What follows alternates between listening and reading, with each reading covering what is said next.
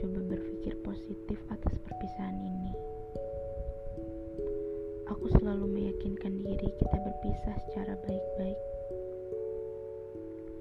Aku nggak paham apa yang sebenarnya terjadi. Aku nggak ngerti maksud jawaban-jawabanmu di lini masa. Kamu seolah mengagumi perempuan dengan senyum gingsulnya yang manis itu. Aku tahu aku nggak berhak atas